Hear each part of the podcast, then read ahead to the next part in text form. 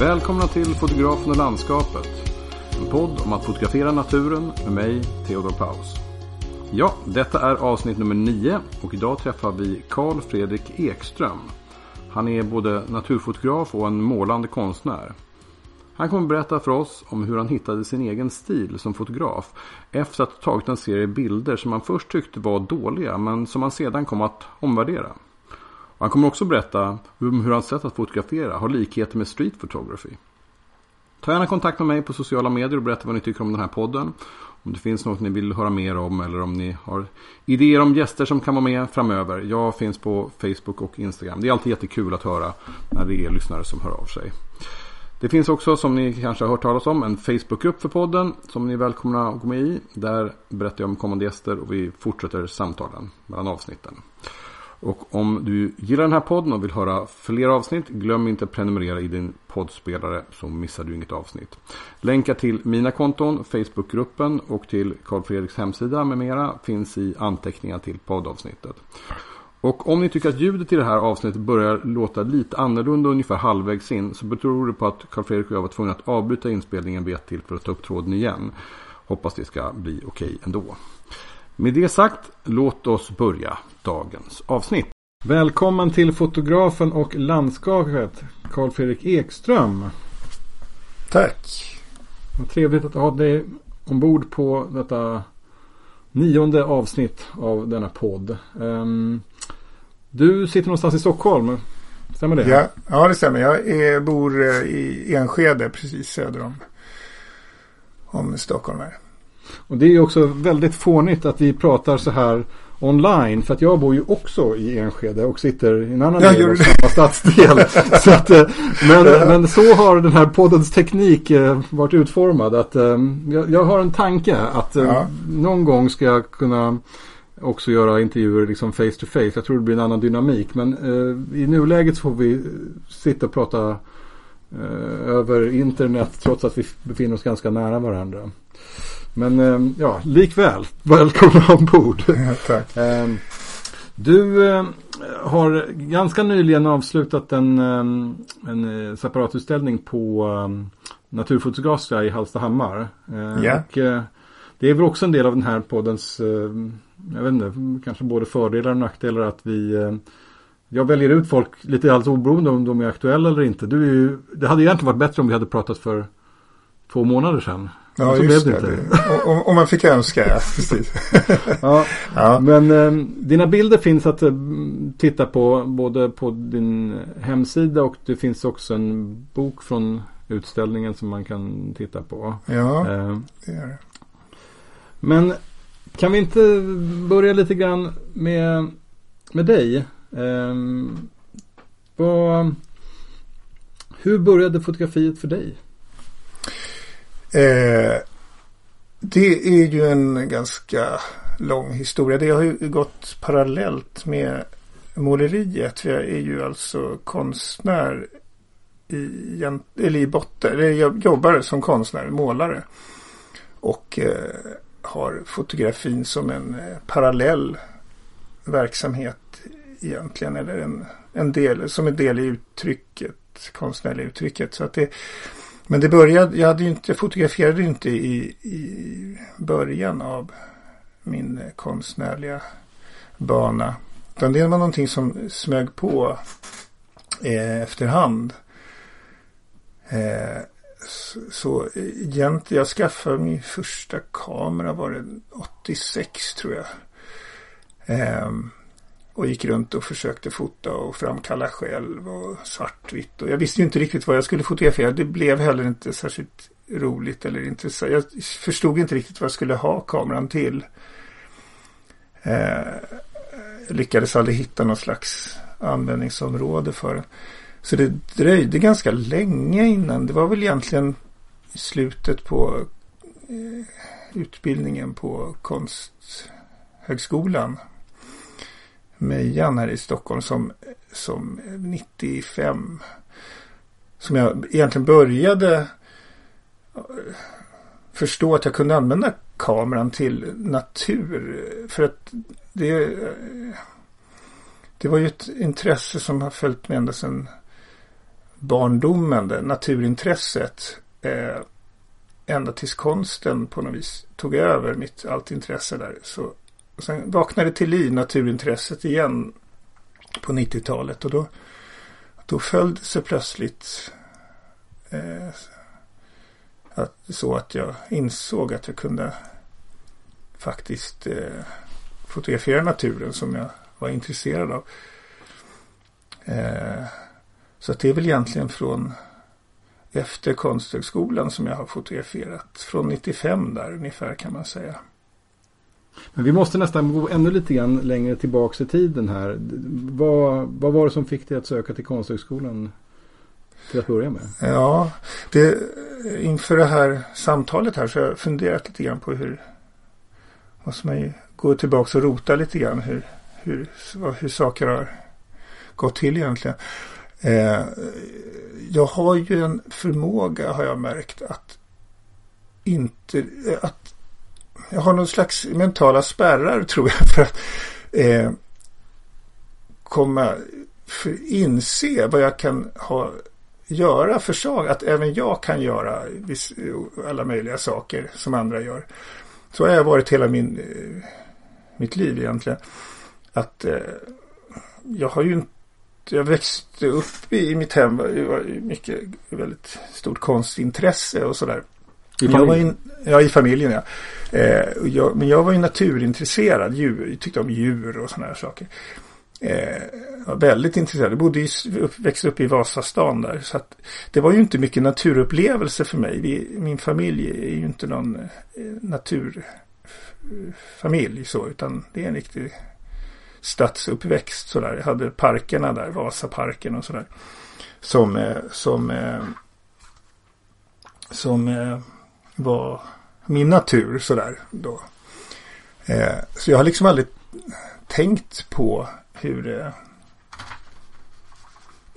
att det, eller det, det, det är mycket som, som egentligen inte har eh, jag har liksom inte dels med naturen att jag, jag visste ju inte att man kunde ge sig ut i naturen ens och uppsöka den på andra, annat håll. Liksom. Det var något, I Vasaparken? Ja, med, utanför Vasaparken ja. Det, det blev som en eh, något slags sagomystik kring naturen sådär. Alla märkliga djur som fanns någonstans som inte jag kunde se på något vis. Eh, och eh, det gäller lite grann med konsten där också tänkte jag för att komma tillbaka till det. Att eh, det hade jag aldrig slagit. Jag ritade, tecknade massor när jag var barn. Eh, hela tiden, konstant. Eh, men jag hade ju liksom aldrig tänkt att det där kunde användas till något på något sätt så. Utan det var i gymnasiet faktiskt när jag, eller i högstadiet så kom naturen in i, då träffade jag, fick jag kompisar som var fågelskådare och fältbiologer och sånt här. Och då, och då slog det mig att oj, fan, det här kan man också, det är ju fantastiskt. Man kan åka ut och till speciella platser där det finns extra mycket djur och så. Jag hade liksom inte ens vetat om det. Eh, och i, i eh, gymnasiet sen kom, eh, blev jag klasskamrat med en som blev, kom att bli en av mina bästa vänner som målade redan då. Eh, på fritiden. Så, som liksom gjorde mig nyfiken på det där. Att man kunde köpa penslar och oljefärg och sitta hemma och måla.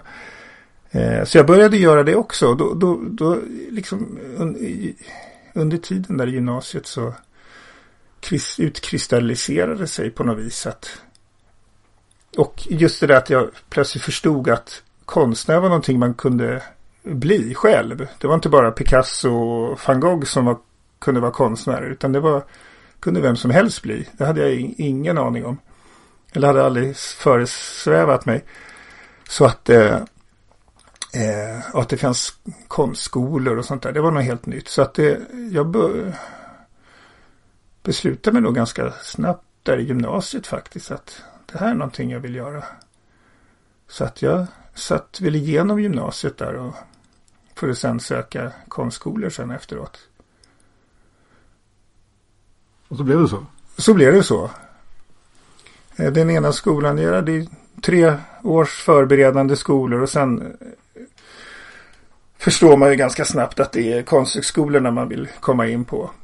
Och, och det är ju otroligt svårt att lyckas med det. Och det lyckades jag med då. Eh, och så är det fem år på den skolan.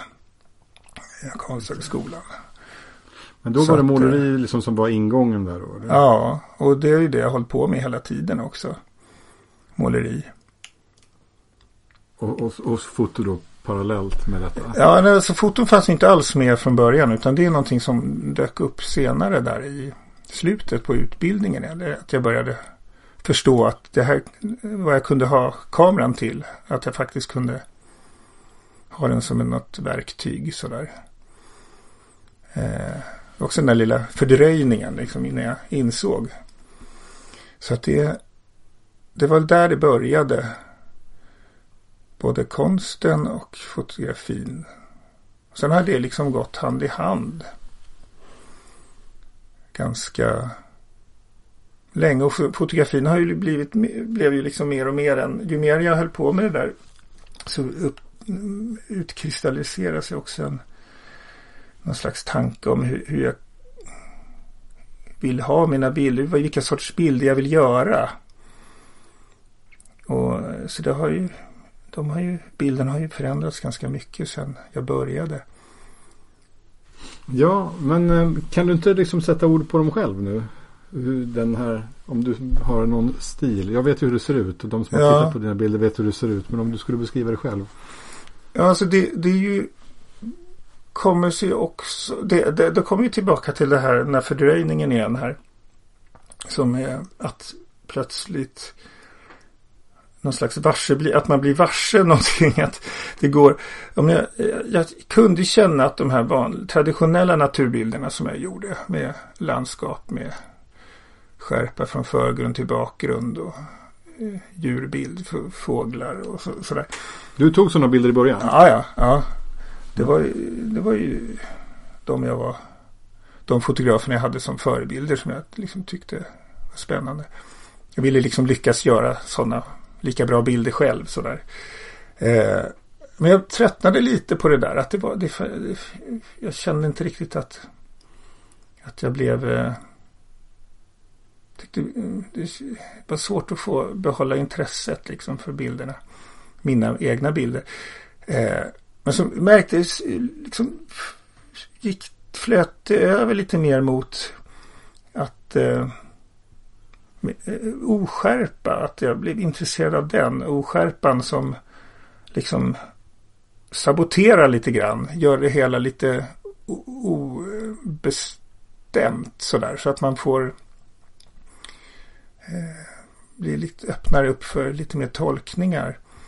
Och, och det kände jag var, var kändes väldigt intressant som ett eh, språk. Liksom att jag, också det att man landar, hitt, upptäcker någonting som jag kan använda.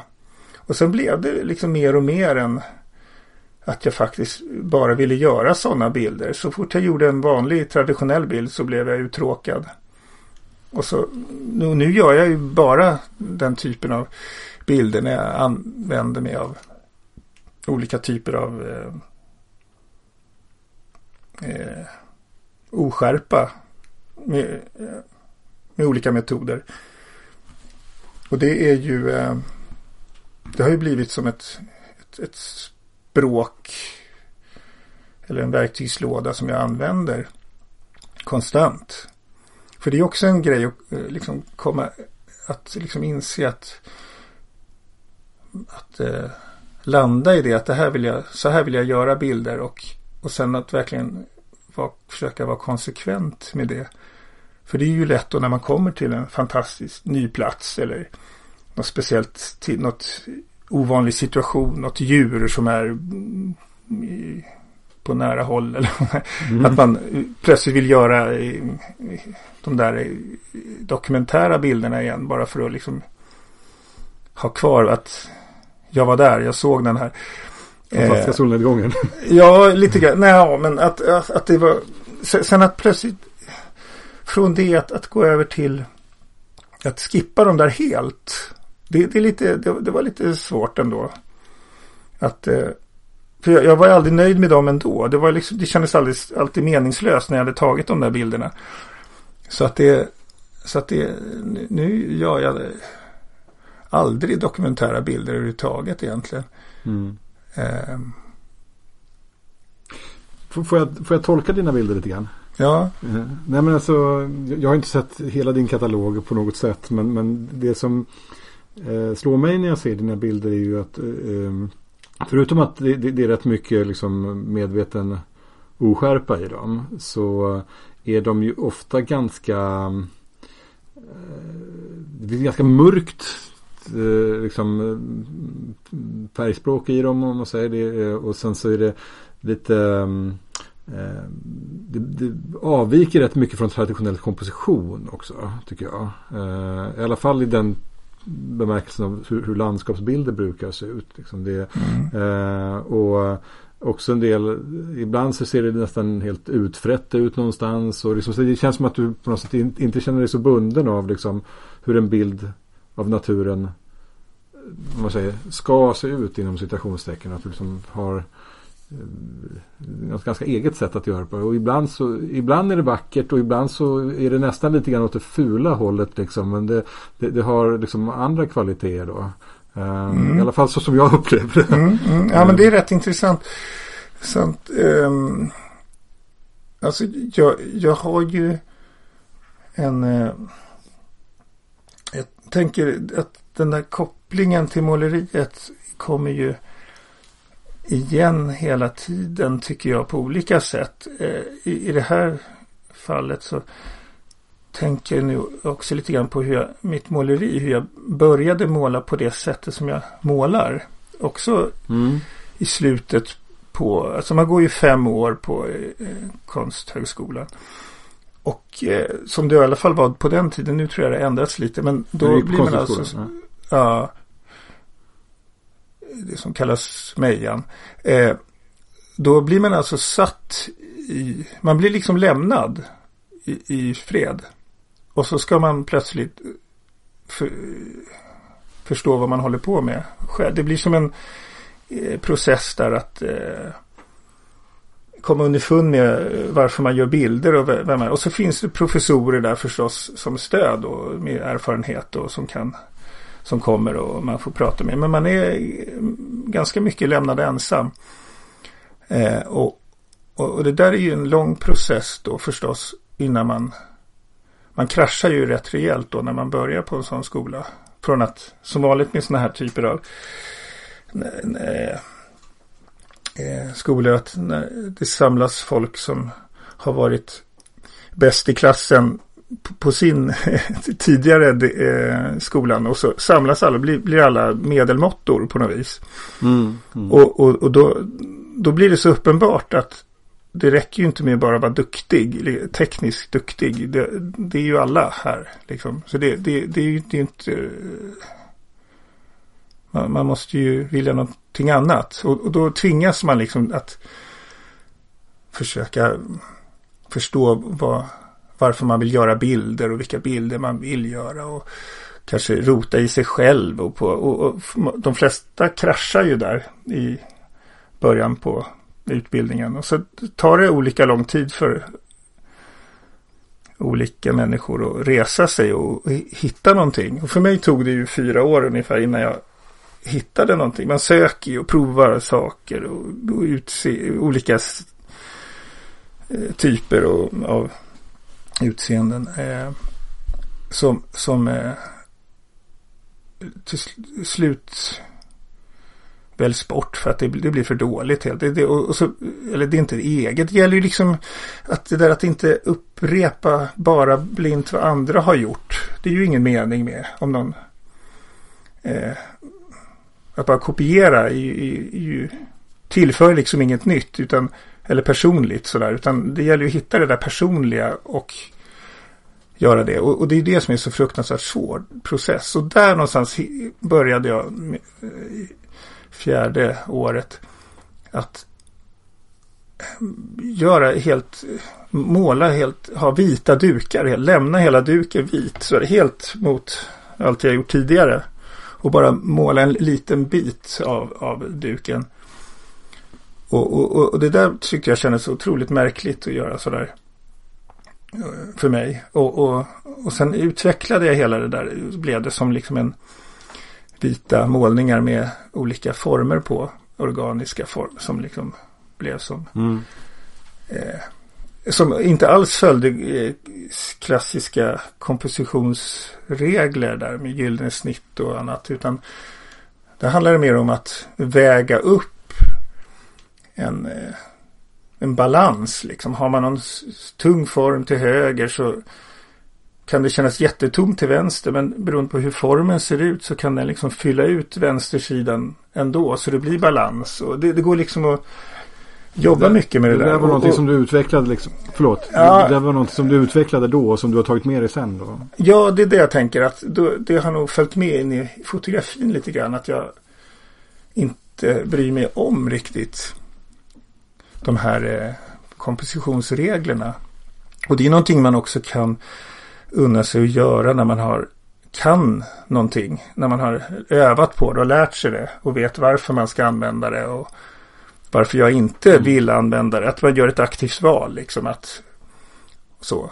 Så är det ju med all kunskap egentligen att när man väl har kunskapen kan man också välja att inte använda den. Alltså, jag har ju också en bror som har gått samma utbildning eh, som du faktiskt. Alla utbildningar som du har gått har även han gått. Så att, eh, även de förberedande skolorna. Så han, jag, jag känner igen den här berättelsen från honom. Liksom, hur, man, hur svårt det var att komma in på, på Konsthögskolan. Och sen när man satt där så fanns alla resurser. Och ingen sa till en vad man skulle göra.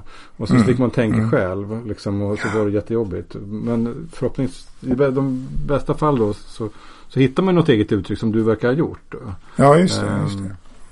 Men kan du inte berätta hur du har tagit det här vidare i ditt naturfotografi? Jag har ett föredrag jag brukar, bildföredrag jag brukar visa ibland. Där jag har en bild med som är från Gotska Sandön i 98 eller något sånt där tror jag. Eh, och det var en sån här strålande solig dag klockan 12 på dagen och det var meningslöst att fotografera kommer jag ihåg. Då, då gjorde jag traditionella bilder. Men eh, då låg jag där i, på någon sandig slänt med backsippor som blommade i motljus. Och jag vet att jag fotograferade igenom massa gräs och höll på där. Eh, och började experimentera och det var på dia-tiden så när jag sen fick bilderna här så kändes, kändes de där bilderna så fruktansvärt bortkastade pengar på dem. Eh, jag tyckte det var jättedåligt men eh, ganska ett, ja, det gick några år där så när jag såg de där bilderna igen så började jag inse att de där bilderna var trots allt bland de bättre jag tog, gjorde från, på den resan där. Eh, som lyckades förmedla någon slags stämning som de traditionella bilderna jag hade tagit saknade. Eh, så det där var väl också någon slags väckarklocka lite grann att jag kunde göra på det sättet. Eh, och eh, allmänt kan man ju säga när, när jag arbetar med oskärpan här så är det ju viktigt att att det eh, det eh, finns en skärpa med också. Det, det får inte bara vara oskarpt för då, då tappar man intresset. Det finns en eh, en eh, det- så skärpa är en en ganska subjektiv sak. Det, eller det är en relativ sak egentligen. Någonting som är skarpare än någonting annat upplevs som skarpt. Även fast det kanske inte är så skarpt. Så mina detaljer, delar av mina bilder som känns skarpa är, är inte alltid särskilt skarpa om man nu ska ha traditionellt öga på skärpa. Nej, det, det behövs en blandning för att de ska liksom... Ja, om, om allt annat i bilden är väldigt oskarpt så upplever man det där som väldigt mycket skarpare och då, då fungerar det som en eh, en, en, eh, en, en eh, intressefångare liksom. innan det här, vi hade det här samtalet så skrev du ett litet eh, kort text till mig. Du skickade över lite bilder och, och jag tycker det var väldigt spännande. Du skrev hur du själv beskriver ditt arbete. Jag tänkte, får, får jag citera lite grann utifrån det som du har skickat till mig här? Ja, ja, gör det. kommentera. Ja. Ehm, så här skriver du. I mitt arbete söker jag efter det anade eller förnumna. Både i måleri och fotografi. Genom måleriets möten med slumpen gestaltas, dold, eh, gestalt, eh, gestaltas erfarenheter dolda i färgimprovisationer. Kan du inte berätta lite grann vad du menar med det? Där eh, syftar jag mycket på måleriet. Som är färgimprovisationerna. Men eh, när jag egentligen tänker efter så blir fotografin också en typ av färgimprovisationer. Fast från ett helt annat håll. Eh, för mig fungerar måleriet eh, eh, där måste jag skapa bilderna själv med färgen. Det, jag måste sätta dit bilderna eller färgen på ett sånt sätt så att det uppstår någonting som jag blir intresserad av. Eh, när jag fotograferar så måste jag liksom gå ut och leta, hitta eh, färgerna och bilderna och formerna och liksom få dem att fastna på eh, sensorn i eh, så att, på ett intresseväckande sätt i egentligen samma process fast från olika håll känner jag det som. Och, och, det är väl klart att man kan kalla mina fotografier för färgimprovisationer också. Om jag inte har skapat eh, förutsättningarna för bilderna. Det är ju, det är ju liksom, det är ju inte stilleben som jag har ställt upp utan det är ju någonting som finns ute i naturen som jag hittar liksom. Eh, Vad betyder det här med det anade och det förnumna? Jag känner på något vis att, att eh,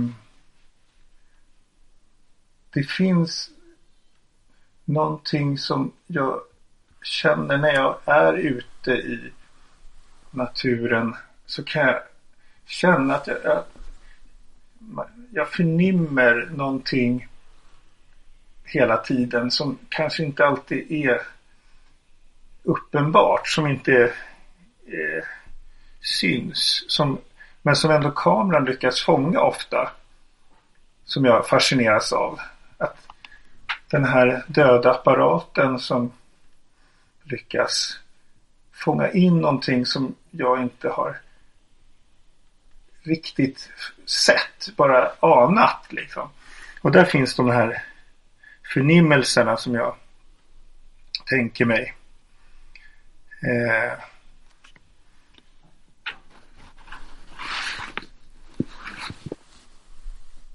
vad kan det vara för någon typ av förnimmelse? Vad kan det vara för typ av förnimmelse som du...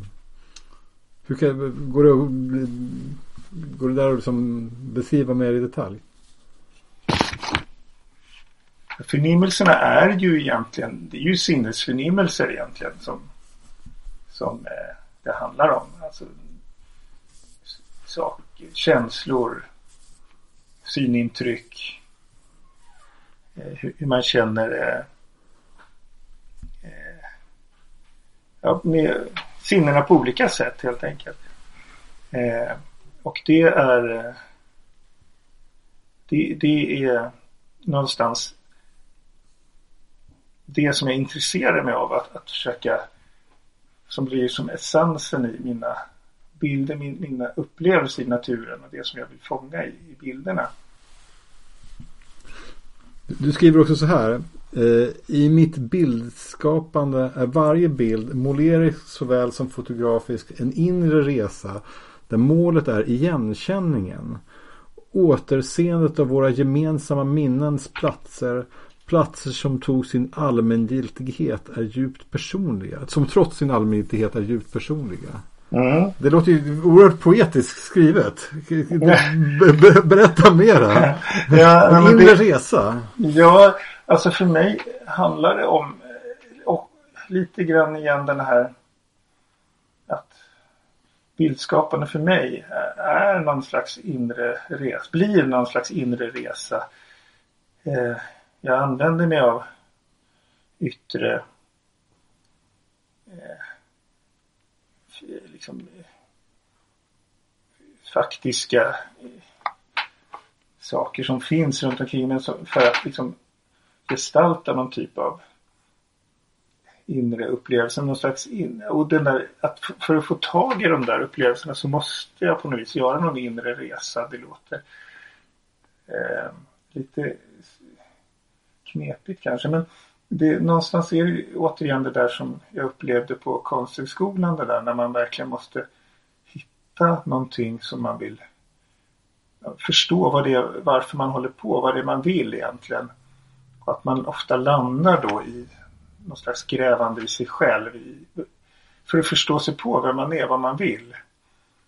Och då blir det som någon slags inre resa överhuvudtaget känner jag när jag skapar mina bilder. Men är det en process som är liksom aktiv varje gång du går ut i fält? Är det så att liksom varje gång som du besöker en, en skog eller en strand eller var du är någonstans så, så på något sätt så blir det en slags minivariant av den här långa femårs eh, ganska ångestfyllda resan misstänker jag. Som, som återskapas den inre resan. Nej, så, så illa är det inte. Men, eh, men det blir på något vis att man ja, efter den här resan så blir man eh, är rikare på erfarenheter som man kan använda sig av. Jag tänker mer som en, blir nästan som en bildlig resa. Att man liksom reser in i sina känslor mer. Försöker få kontakt med sina känslor för att få, få eh, konkretisera bilder på något vis. Eh, det är ju så, jag är ju en väldigt emotionell konstnär. Alltså jag, jag jobbar inte eh, jag är inte teoretisk. Jag tänker inte ut saker eh, innan hur, hur, eh, hur, hur och varför och sen genomför jag någonting utan jag går väldigt mycket på, på jag är väldigt känslomässigt styrd när jag arbetar. Utan egentligen tänka efter varför jag gör någonting. Utan det, det är någon slags kanske längtan egentligen. Både i måleri och fotografi. Efter någon, någon, någon typ man saknar av, saknar utifrån det, det som finns framför mig. Jag ser där är blått eh, och det, jag saknar något gult kanske och sådär i måleriet och i fotografin så kan jag ju känna att här, här finns något intressant men så kan jag liksom och det där är en omedveten process på något vis. Det, ingen, det går inte att styra riktigt för att då, då blir det inte spontant längre utan då blir det uttänkt och uträknat och då tappar man någon slags eh, någon slags... Eh, utan det sker där och då liksom? Ja, det sker alltid där och då. Jag har ju aldrig skissat till exempel. Inte i måleriet eller i, eh, inte i fotografin heller. Många tecknar ju upp hur man tänker sig att bilderna ska se ut och sådär och så går man ut och gör det. Utan jag, jag jobbar hela tiden eh, på språng liksom. Mm. Det, det, kommer till mig och så tar jag ställning till det då, bra eller dåligt. Och så kom, får, får jag hela tiden ta händer, jag gör någonting som leder någonstans och så får jag ta ställning till det. Det är alltid skarpt läge liksom. Ja, på något sätt blir ja men det blir ju det. Och, och framförallt ett väldigt flöde som pågår hela tiden. Som eh, varje bild blir liksom en, när jag känner att den här bilden blir färdig. Så eh, avslutas den och sen fortsätter det liksom. Så nästa bild blir liksom en fortsättning på den förra lite grann. Så att det, jag, jag, jag har lite svårt att jobba i projektform till exempel. Att jag tänker ut en, en sak som eh, jag ska göra och det ska ta ett år och så genomför jag det. Och så, sen går jag vidare på tänka ut någonting annat som jag gör när det projektet är slut. Så det, jag har svårt att, att, tänka på det sättet. Utan det, det är ett ständigt flöde liksom. På det sättet så är du ju verkligen extremt annorlunda än den eh, gäst som var med i förra avsnittet som ännu inte är publicerat men som som eh, beskrev hur hon jobbar liksom många, många månader med research liksom. Och sen så tar hon sig till en plats och sen så kanske hon tar fyra bilder och sen så åker hon hem och sen så är det slut. ja, just det. Just det. det är roligt att du nämner Helene Schmitz. Hon är ju, henne har jag ju tänkt att tipsa om som eh, en konstnär som vore intressant att höra i podden här. Men nu har jag förstått det, att hon, hon är upptagen redan. ja, lite grann så. Men, men kan inte du berätta hur du jobbar liksom, praktiskt också? För det vore, hur, liksom, är du ute mycket? Liksom, är du, liksom, väljer du dina platser med omsorg? Hur går det till? Liksom? Ja, det, det här är ju en grej som blev väldigt rolig när jag fann det här sättet att jobba på. För att det innebär ju att jag egentligen kan fotografera när som helst och var som helst. Eh, jag kan alltid egentligen gå ut och, och, få med mig bilder som på något, även om det inte blir så många så blir det alltid någon som blir, blir intressant att spara. Eh, I och med att det händer så mycket i bilden när kameran registrerar under eh, den här rörelsen. Eller, eller vad det nu är på olika sätt. Jag har, jobbar ju också mycket med mattskivor till exempel. Som nästan har blivit som ett litet projekt. Det är också även om det inte är ett tidsbestämt projekt så utan det, det är mer ett, en, ett verktyg i min eh, verktygslåda lite grann känner jag.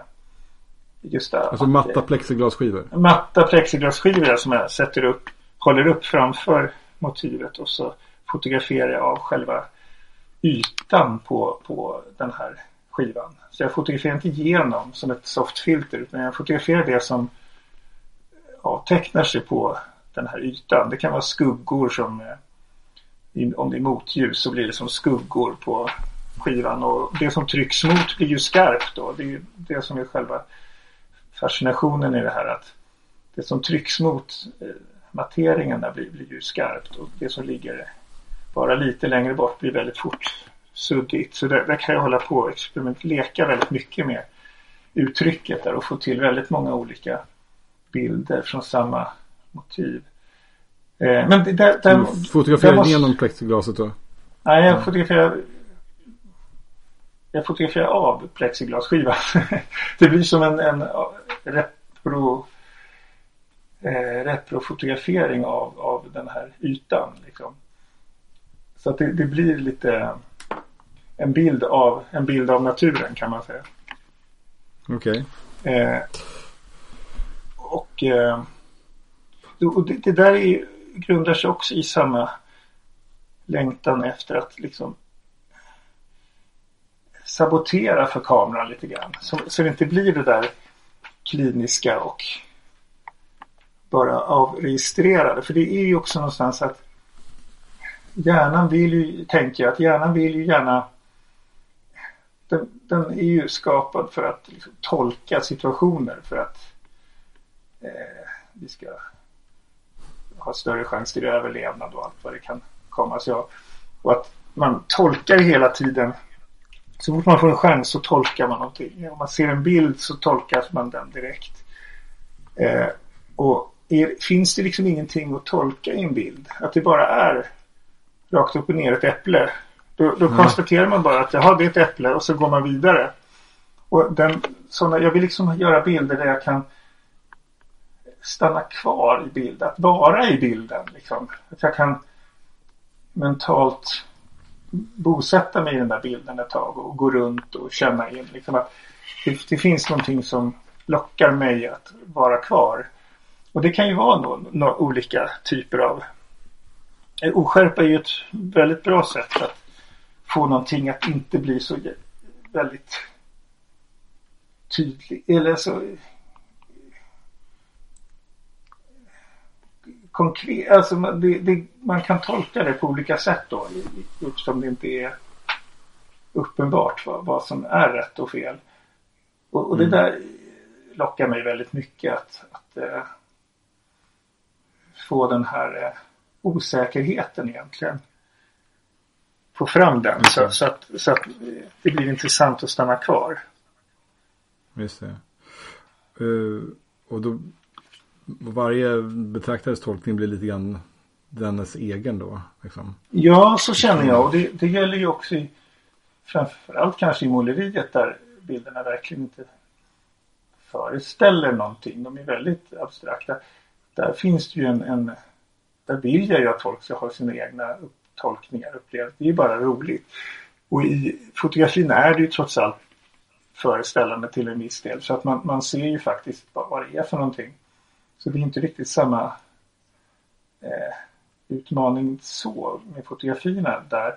Men det, det är ju ändå roligt tycker jag. Jag tycker det tillför någonting till mig att människor upplever helt olika saker ibland eh, i bilder som jag har mm. gjort. Eh, och det, det tror jag blir chansen är större att det blir så när, när bilderna är lite otydliga ja, egentligen. Men du har liksom i ditt när du har fotograferat så har det varit liksom naturen som har varit motivet? Liksom. Ja, du, du har... så har det alltid varit. Jag har ju aldrig egentligen varit intresserad av att skildra människor i någon form. Eh, aldrig målat människor, jag har inte tecknat människor. ja, utom i, på skolorna när man var tvungen att teckna modeller och sådär. Men jag har liksom inte varit intresserad av att skildra mänskliga förehavanden. Liksom, utan det, det har varit naturen som har, ända sedan jag var liten, som har intresserat mig. Och, och, och, och det, ja, det blir som någon slags den här yin och yang grejen där med natur och kultur som är varandras motpoler egentligen. Att natur, naturen, eller kulturen är ju, betyder ju odling. Och, och det är liksom människans odlade, tuktade ordning. Och naturen är då det där vilda som människan inte har tuktat.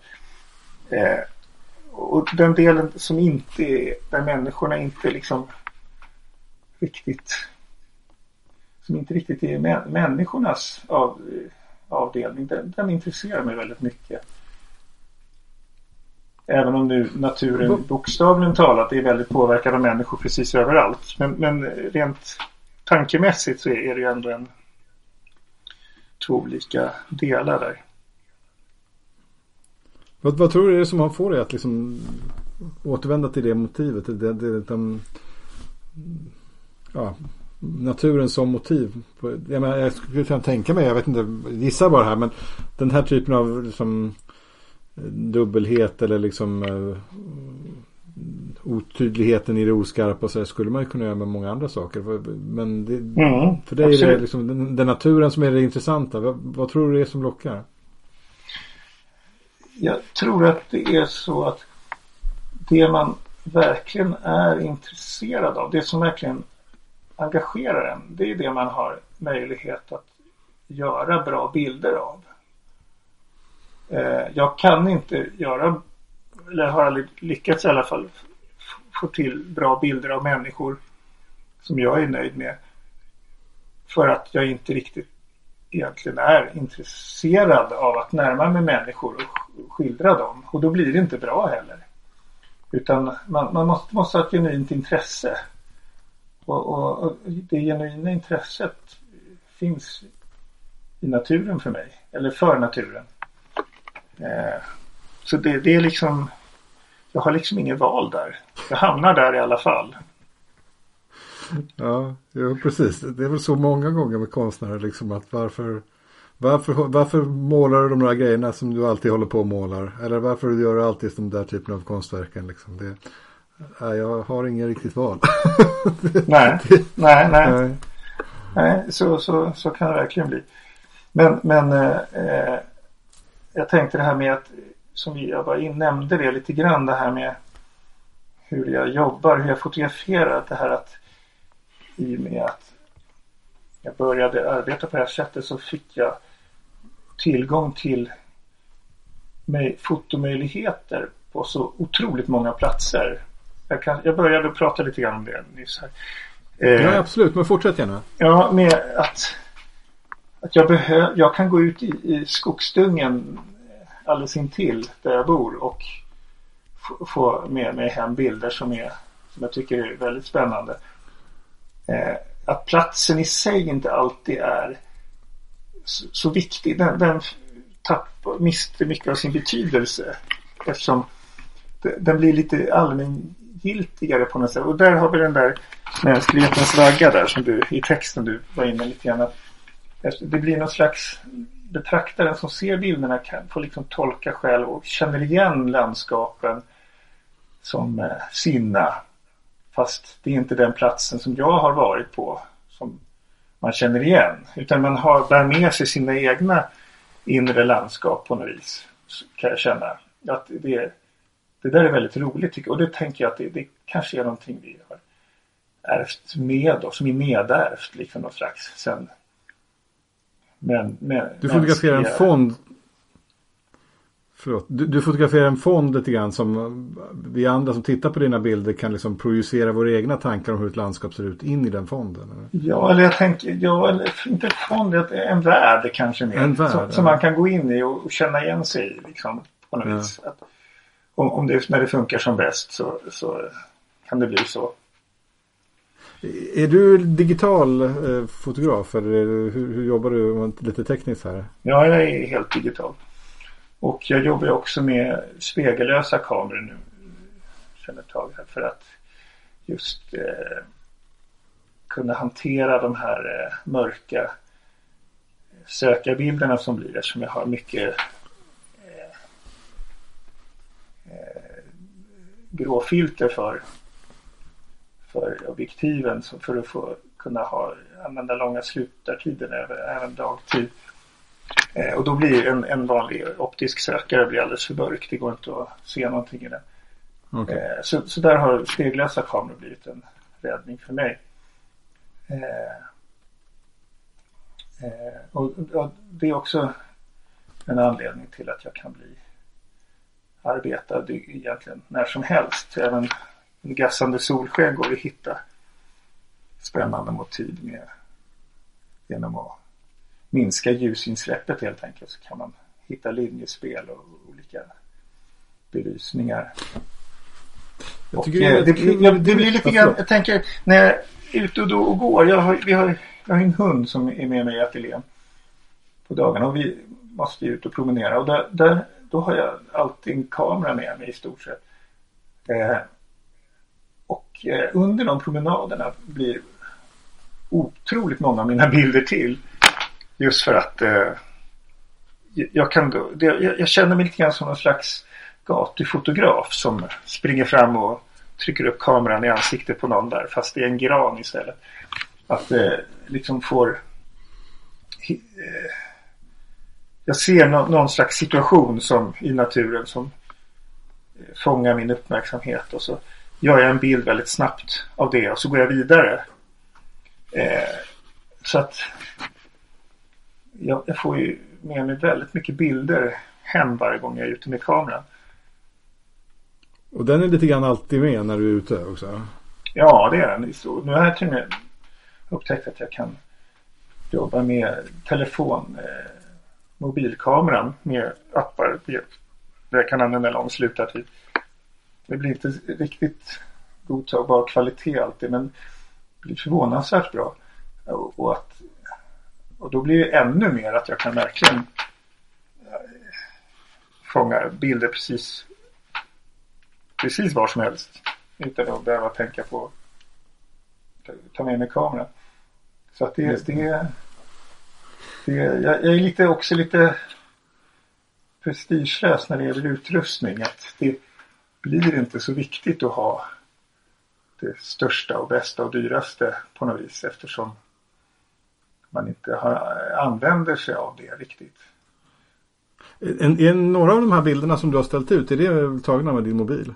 Nej det är det faktiskt inte. Det, det, det, det, det är inte så länge jag har hållit på med mobilen utan det är men det skulle kunna hända. Kan jag tänka mig. Ja. Um, i den här utställningen som du har haft på, eh, i, eh, på Naturfotografiska så eh, du skrev lite grann om den också. Och jag, jag, jag tycker det är så kul att läsa det som du skriver. Jag tänkte jag läser upp lite grann om det, det vad du skrivit om de bilderna också. Där skrev du eh, för utställningen heter då Åter, återsken och viskningar. Och I återsken och viskningar gestaltas med kamerans hjälp den subtila upplevelsen av att i naturen stå inför ett kollektivt arv av det ursprungliga landskapet från mänsklighetens vagga. Frågor som ställs om hur vi kognitivt samlar information om omvärlden. Vad är det vi ser och varför ser det ut som det gör? Hur påverkas våra intryck av förutfattade meningar? Kan kameran uppfatta skeenden som är svårtydda för det mänskliga ögat?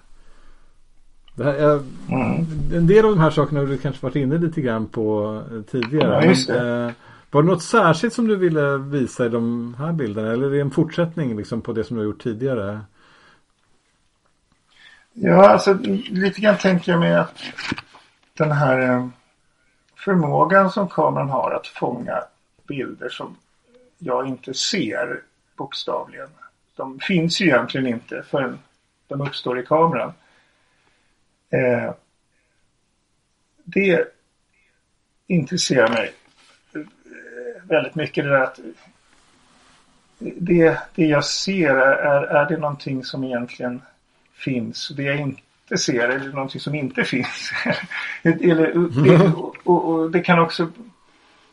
Jag tänker också att man, det man ser är ju också någon slags... Eh, ofta någon för, fördomsfull bild av, eller, eller fördomsfull, förutfattad mening. Man, man har ju ofta, hjärnan generaliserar ju ofta och, och så, när den tolkar och då, då, bestämmer man att det där är en sån. Och, eller det är på det sättet och så visar sig att det kanske inte alls var så utan att man har, det är bara en tolkning som man har gjort.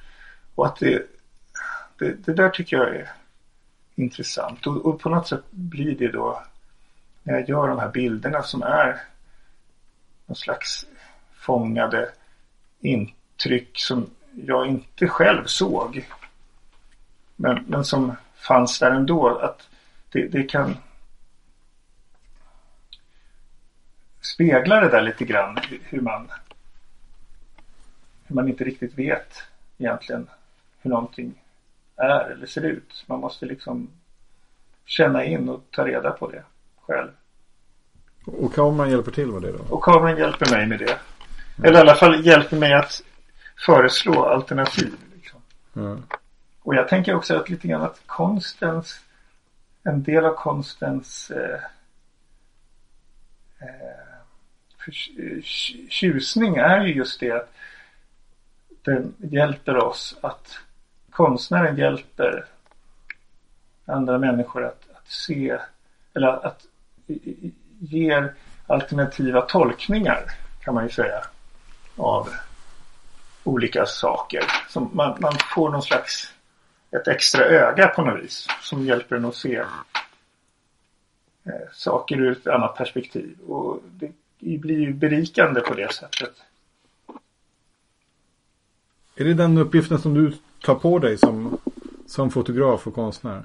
Nej, det låter väldigt pretentiöst. Men det, resultatet bli, kan ju bli det om man lyckas göra bilder som fungerar som, som eh, eh, ögonöppnare på något vis. Eller att man som fångar, det räcker ju egentligen med att fånga någons intresse så har man ju eh, på något vis påverkat någon människa eller på något vis serverat någonting som en människa kan uppleva och då har man ju liksom nått en bit på vägen där. När tycker du själv att en eh, av dina bilder är bra? Nej, jag tycker att den är bra. Vad, vad, krävs för att du ska tycka det? Ja, det, det är ju så lite olika på vilken typ, vilken karaktär bilden har. Eh, det finns ju de, de har ju de, de måste ha någon typ av tydlighet någonstans, någon skärpa. Men samtidigt så pass mycket otydlighet, osäkerhet. så att eh, det blir spännande på något vis. Och sen är det ju också färg och form för mig. Eh, hur färger fördelar sig på bildytan. Hur, hur, hur eh, riktningar går och hur eh, ytan är disponerad och sådär. Som är, är viktigt att det stämmer på något vis. Och jag tänker ofta på det här med att ha någon typ av skav i en bild för att göra den eh, intressant på något sätt. En bild utan skav är, är ju som bilden på äpplet. Det, det är bara en ett äpple rakt upp och ner.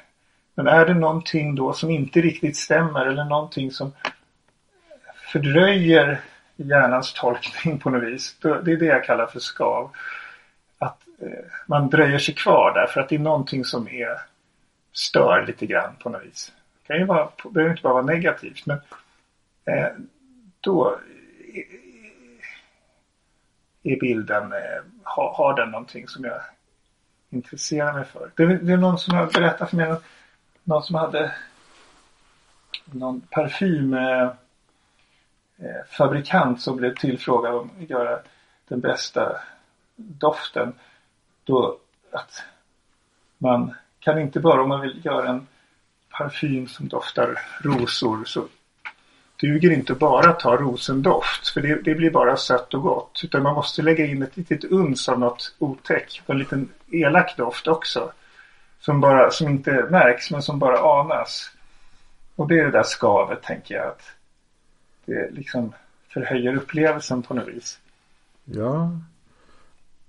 Det, det, kanske var det som jag kallade att det fanns något lite fult ibland också. Ja, det. Kanske det. Ja, ja, absolut.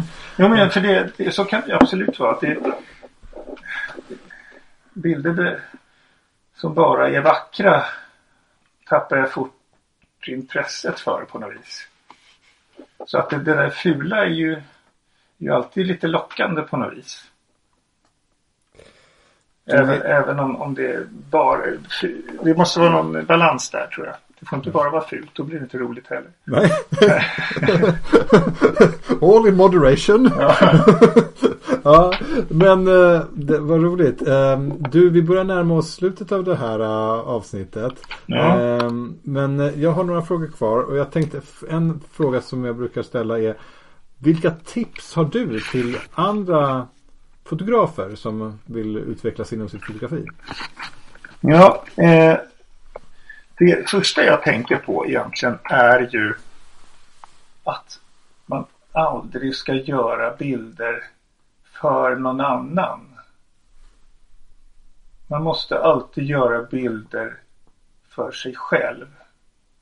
Till en själv. Som, som jag själv, som intresserar mig. För är det så att bilden intresserar mig så finns det alltid eh, hopp att den kan intressera andra människor för vi är ju inte trots allt så väldigt olika. Eh, och att hittar man någonting äkta hos sig själv så, så finns det någon, någon slags äkthet som andra kan upptäcka också. Och då känns bilderna mer angelägna.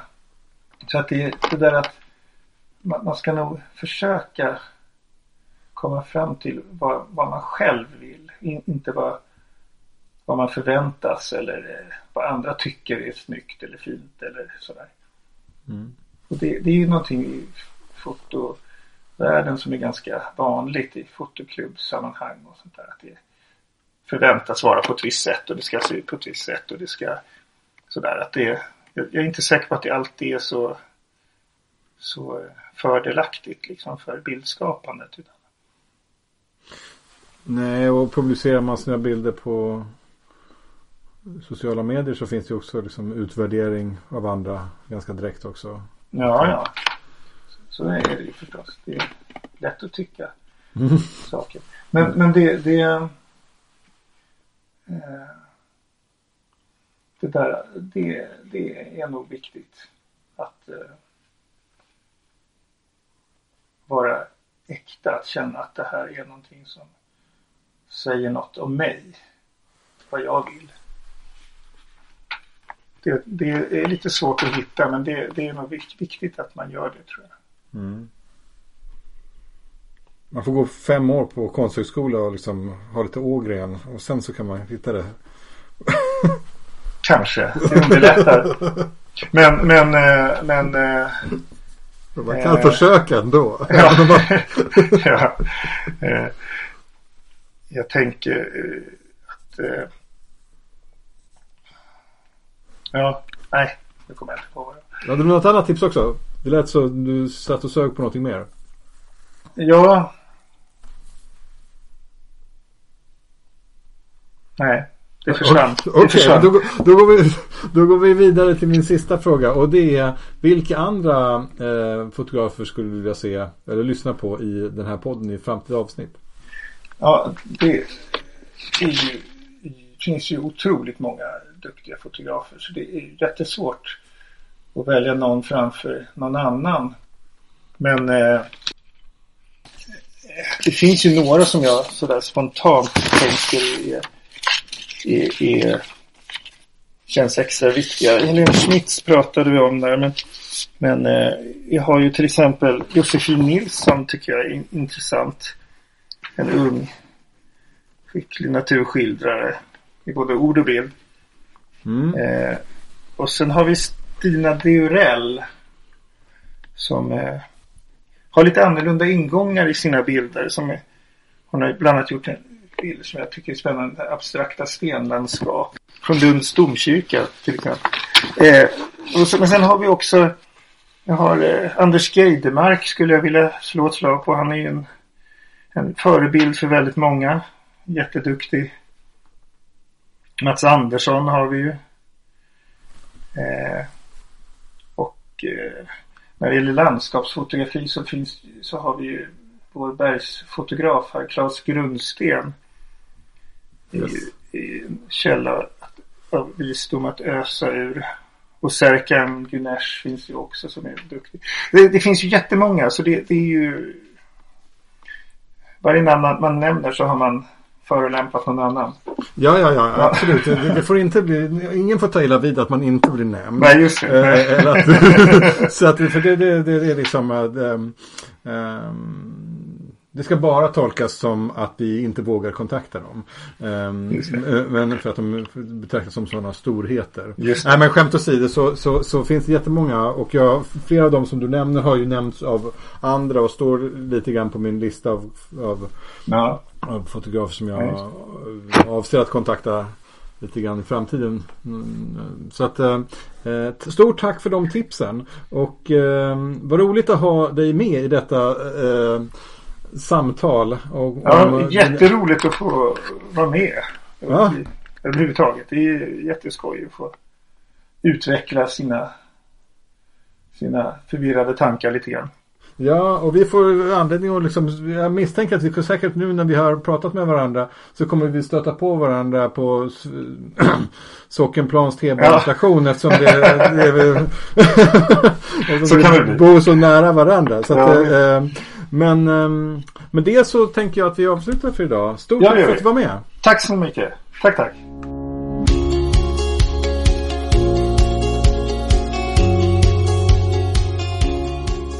Och tack till dig som lyssnat på detta avsnitt av Fotografen och landskapet. De som känner mig vet att jag ofta klagar över hur svårt det är att hitta intressanta naturmotiv i mitt eget närområde. Mina bästa bilder brukar vara tagna på resor som jag har gjort. Men Karl Carl Fredrik och jag bor ju alltså väldigt nära varandra och om han kan hitta intressanta motiv på sina promenader i de små skogsområdena här mellan husen i Enskede. Ja, då borde det väl inte vara helt omöjligt för mig heller. Det verkar inte som det spelar någon roll med ljuset heller så det finns liksom inga ursäkter kvar. Länkar till Carl Fredriks eh, hemsida och Instagram finns i anteckningarna till det här poddavsnittet. Där hittar du även länkar till min Facebook och Instagram. Berätta gärna i Facebookgruppen vad du tyckte om det här avsnittet och vad du vill höra mer om i framtiden. Och om du gillar den här podden och vill höra fler avsnitt, glöm inte att prenumerera i din poddspelare så missar du inget avsnitt. Vi hörs igen om två veckor. Hej hej!